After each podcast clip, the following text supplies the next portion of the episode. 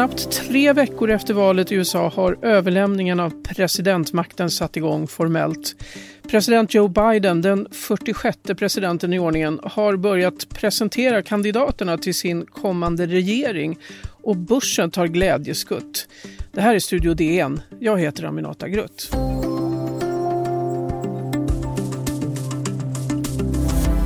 Det ska handla om USAs nya president Joe Biden i Studio DN och om de personer han vill utse till ministrar och ha med sig till Vita huset när han tar över efter Trump i januari. Gäst är DNs reporter Sanna Thorén Björling som just nu befinner sig i USA. Välkommen! Tack! Vi kan väl börja med att lyssna på vad Biden sa i en intervju i amerikansk tv när han fick frågan vilket budskap han vill sända med utnämningen av de första kabinettskandidaterna. America's back. We're at the head of the table once again. I've spoken with over 20 world leaders, and uh, they all are literally um, really pleased and somewhat excited. America is going to reassert its role in the world and uh, be a coalition builder. Ja, vad säger du Sanna? Det här är löften från Biden alltså. Ja, det här är löften från Biden. Nu ska USA tillbaka och bli som USA brukade vara innan Donald Trump klev in på scenen. Ehm, han eh, är ju väldigt tydlig med att han vill ha en, eh, han, att, att, de här personerna som han hittills har utsett, att det är liksom experter på olika områden och att det inte är eh, folk som har erfarenheter från andra ställen, utan det, är ju, det här är ju rutinerade människor. Han har ju fått kritik. Det finns folk som påstår att han har återinsatt Obamas gamla ministär. Ja, men det ligger ju faktiskt någonting i det. Han har ju tagit mycket folk från eh, gamla Obama-administrationer Eh, och sen har han lagt väldigt mycket fokus på mångfaldsfrågor, att det ska finnas folk som representerar olika typer av grupper, minoriteter och annat. Eh, eh, men Biden själv har ju sagt att nej, men så är det inte alls det, utan världen ser väldigt annorlunda ut. Det här kommer inte vara en tredje Obama-administration, utan kraven är annorlunda och Trump har helt förändrat förutsättningarna här. Ehm, jag vet inte om det egentligen är svaret på frågan, om det är eh, om han faktiskt eh, säger någonting om det. Han kan ju inte säga så mycket annat än att han faktiskt har använt mycket gamla experter. Eh, vi kan ju lyssna på vad han sa att, att han ska göra under de första hundra dagarna också. I am going to make a commitment in the first hundred days. I will send a immigration bill to the United States Senate with a pathway to citizenship for over 11 million undocumented people in America. I will also be moving to do away with some of the I think, very damaging executive orders that have significantly impacted on making the climate worse and making us less healthy. Han pratar ju om klimatet här, Joe Biden. Eh, vem ska ta itu med klimatfrågorna, Sanna? Ja, det är ju en, en välkänd person. Det är John Kerry som var utrikesminister under Barack Obama och som har ett eh, välkänt engagemang i klimatfrågorna.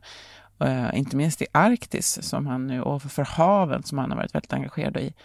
Ehm, så att det är ju en person med eh, ordentlig liksom, bakgrund inom på de områdena.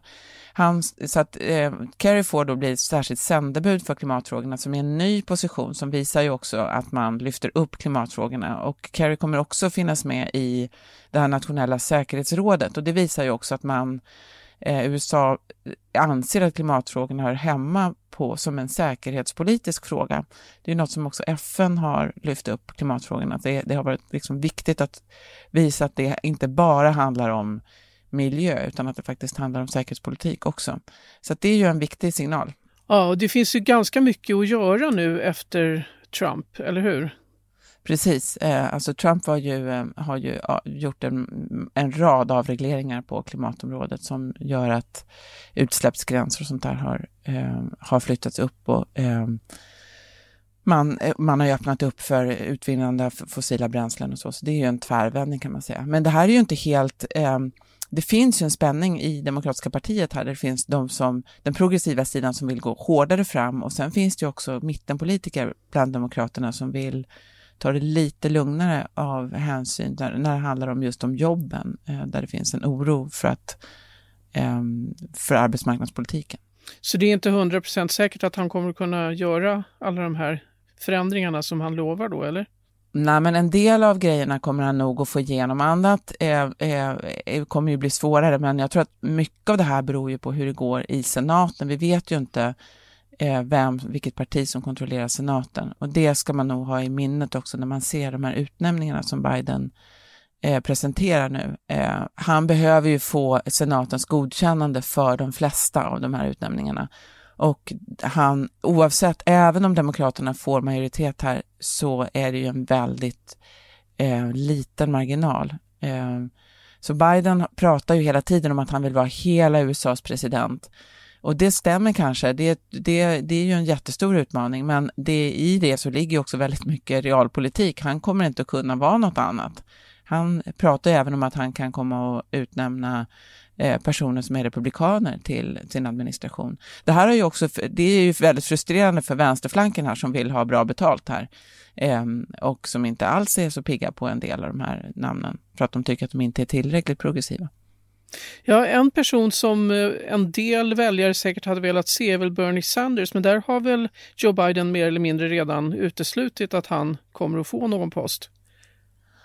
Ja, det handlar ju, man har ju pratat om Sanders för eh, som arbetsmarknadsminister, eh, men det, jag tror det skulle helt enkelt inte gå att få igenom honom. Sen finns det också det där att man vill, jag tror också att Biden är noga med att inte ta dränera kongressen och ta sådana som redan är senatorer eller kongressledamöter, för då får man ju jobbiga fyllnadsval på nacken liksom på sig och då riskerar man ju eh, att förlora eh, poster också. Så att jag tror att man Biden också är lite noga med att leta på andra ställen än bara i kongressen. Vi ska strax prata vidare om eh, kandidaterna som Joe Biden vill se i sitt kabinett. Kommer alldeles strax tillbaka.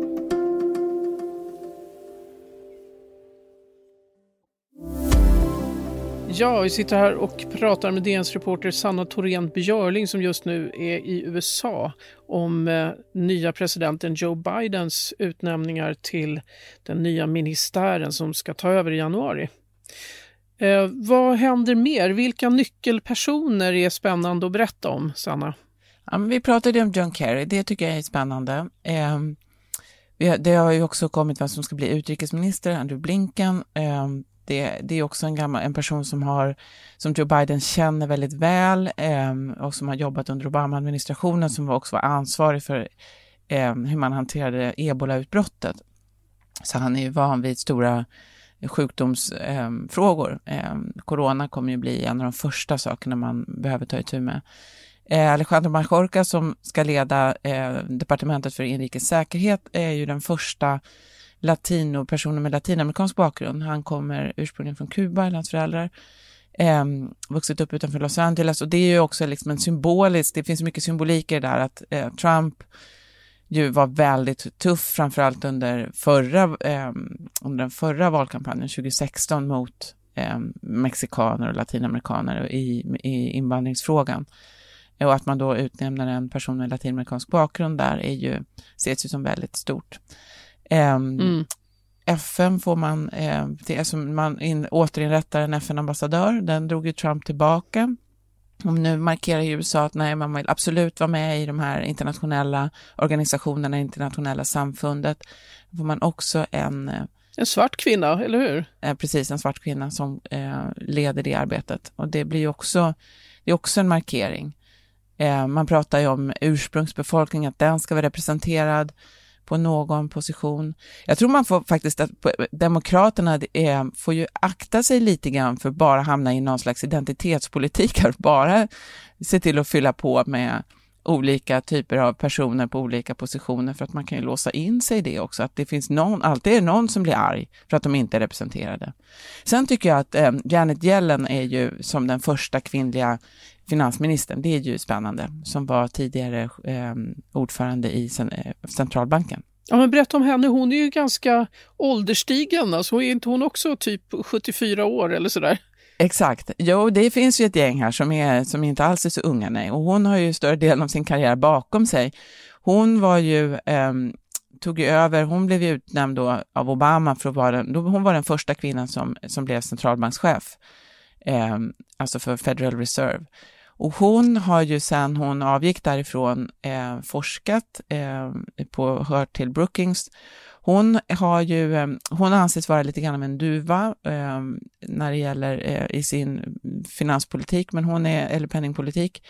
Men hon är ju, eh, hon har också varit mycket, eh, intresserat sig mycket för arbets, eh, arbetslösheten och eh, och tittat mycket på de frågorna, hur arbetsmarknaden fungerar när hon har bedömt eh, eh, ränteläget. Så att det där, hon, eh, det blir spännande att se. Och nu blir hon då den första kvinnan eh, på den nuvarande positionen. Apropå arbetsmarknaden så tror jag Kerry gick väl ut och sa att man kan skapa väldigt mycket nya jobb med en annorlunda klimatpolitik. Just det, det är ju ett argument som man kan försöka föra då gentemot de som är oroliga för att förlora jobben, att, eh, ehm, att det faktiskt finns många nya gröna jobb. Sen blir det ju spännande att se vem som blir nu ny eh, justitieminister, det är ju inte klart än, men det kommer ju bli eh, det blir ju en viktig position eftersom eh, justitiedepartementet under Donald Trump har eh, fått mycket kritik för att ha blivit eh, för, eh, vad ska man säga, att de har gått presidentens privata ärenden mer än eh, nationens ärenden. Att det har varit väldigt konservativt. Man, det är många som har varit oroliga över eh, till exempel hbtq-rättigheter eh, och eh, andra frågor. Precis, en del sånt och sen att man, att William Barr som är justitie, justitieminister nu, att han har försökt anpassa sig efter vad presidenten, vad som skulle passa presidenten eh, personligen och privat i, eh, bland annat i riksrättsprocessen för ett år sedan. Eh, och även nu under, ehm, eh, under kring valet, eh, att han, man har anpassat sig väldigt mycket till det. Så att det har funnits stark kritik. Vad finns det för kandidater där då? Till den här positionen? Där är det Sarvier Bishara som är, eh, har bakgrund i, i New York. Han har också suttit i kongressen och drivit eh, eh, i New York så drev han fall mot presidenten, blev bortplockad eh, från de eh, frågorna eller från sin position där på ett ganska anmärkningsvärt sätt blev han sparkad. Eh, det finns också så på förslag Jay Johnson som var eh, minister för inrikes säkerhet under Obama-administrationen. Eller Sally Yates som ju också blev kickad för att hon eh, reagerade på eh, hur det gick till eh, när Trump eh, tillträdde och under, eh, i början av hans administration. Så det finns några spännande personer där. Mm.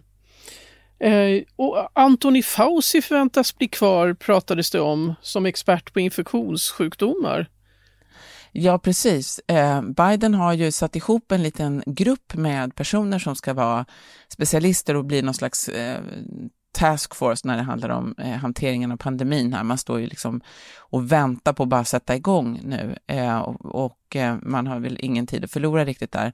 Anthony Fauci har ju en liten kultstatus här eh, i USA och uppskattas av de allra flesta Um, och han förväntas ju, han kommer då finnas kvar eh, som en expert. Och jag tror att det är väl en av de sakerna som Biden, Biden-folket nu gör, är att de går in och tittar på vad, vad finns det för, för information, vad finns det för material inne i administrationen, den nuvarande administrationen som de kan börja arbeta med. Vad är, vad är det för statistik? Vilka utmaningar finns det nu om man ska försöka rulla ut ett vaccin?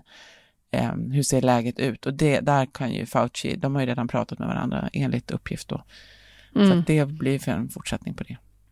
Men en person som han inte har pratat med, det är väl Trump själv? Precis, de har ju bara pratat genom ombud kan man säga, deras eh, respektive underchefer, chief of staff och stabschefer har pratat med varandra. Men eh, Trump och Biden har ju tydligen inte pratat och Trump har ju inte ringt det här berömda samtalet där han har där man gratulerar den, eh, den som vann eh, och att Biden och Trump har inte då erkänt sig besegrad. Det är väl ingen som tror heller att han nog kommer att göra det. Det spelar ju inte så himla stor roll faktiskt. Nej, nu rullar det ju på i alla fall. Ja, ja. ja. Tack så jättemycket Sanna Thorén Björling, direkt från USA. Ljudillustrationer i det här avsnittet kom från NBC News ska vi berätta också. Och imorgon så handlar Studio DN om hur migranter flyr från Sverige efter att ha fått avslag på sina ansökningar om uppehållstillstånd. Många är barnfamiljer och DN har följt Ali som har fått hjälp att köpa en biljett. Studio DN görs för Podplay, producent Sabina Marmulakai, exekutiv producent Augustin Erba, ljudtekniker Patrik Miesenberger, teknik Oliver Bergman, Bauer Media och jag heter Aminata Grutt. Vi hörs!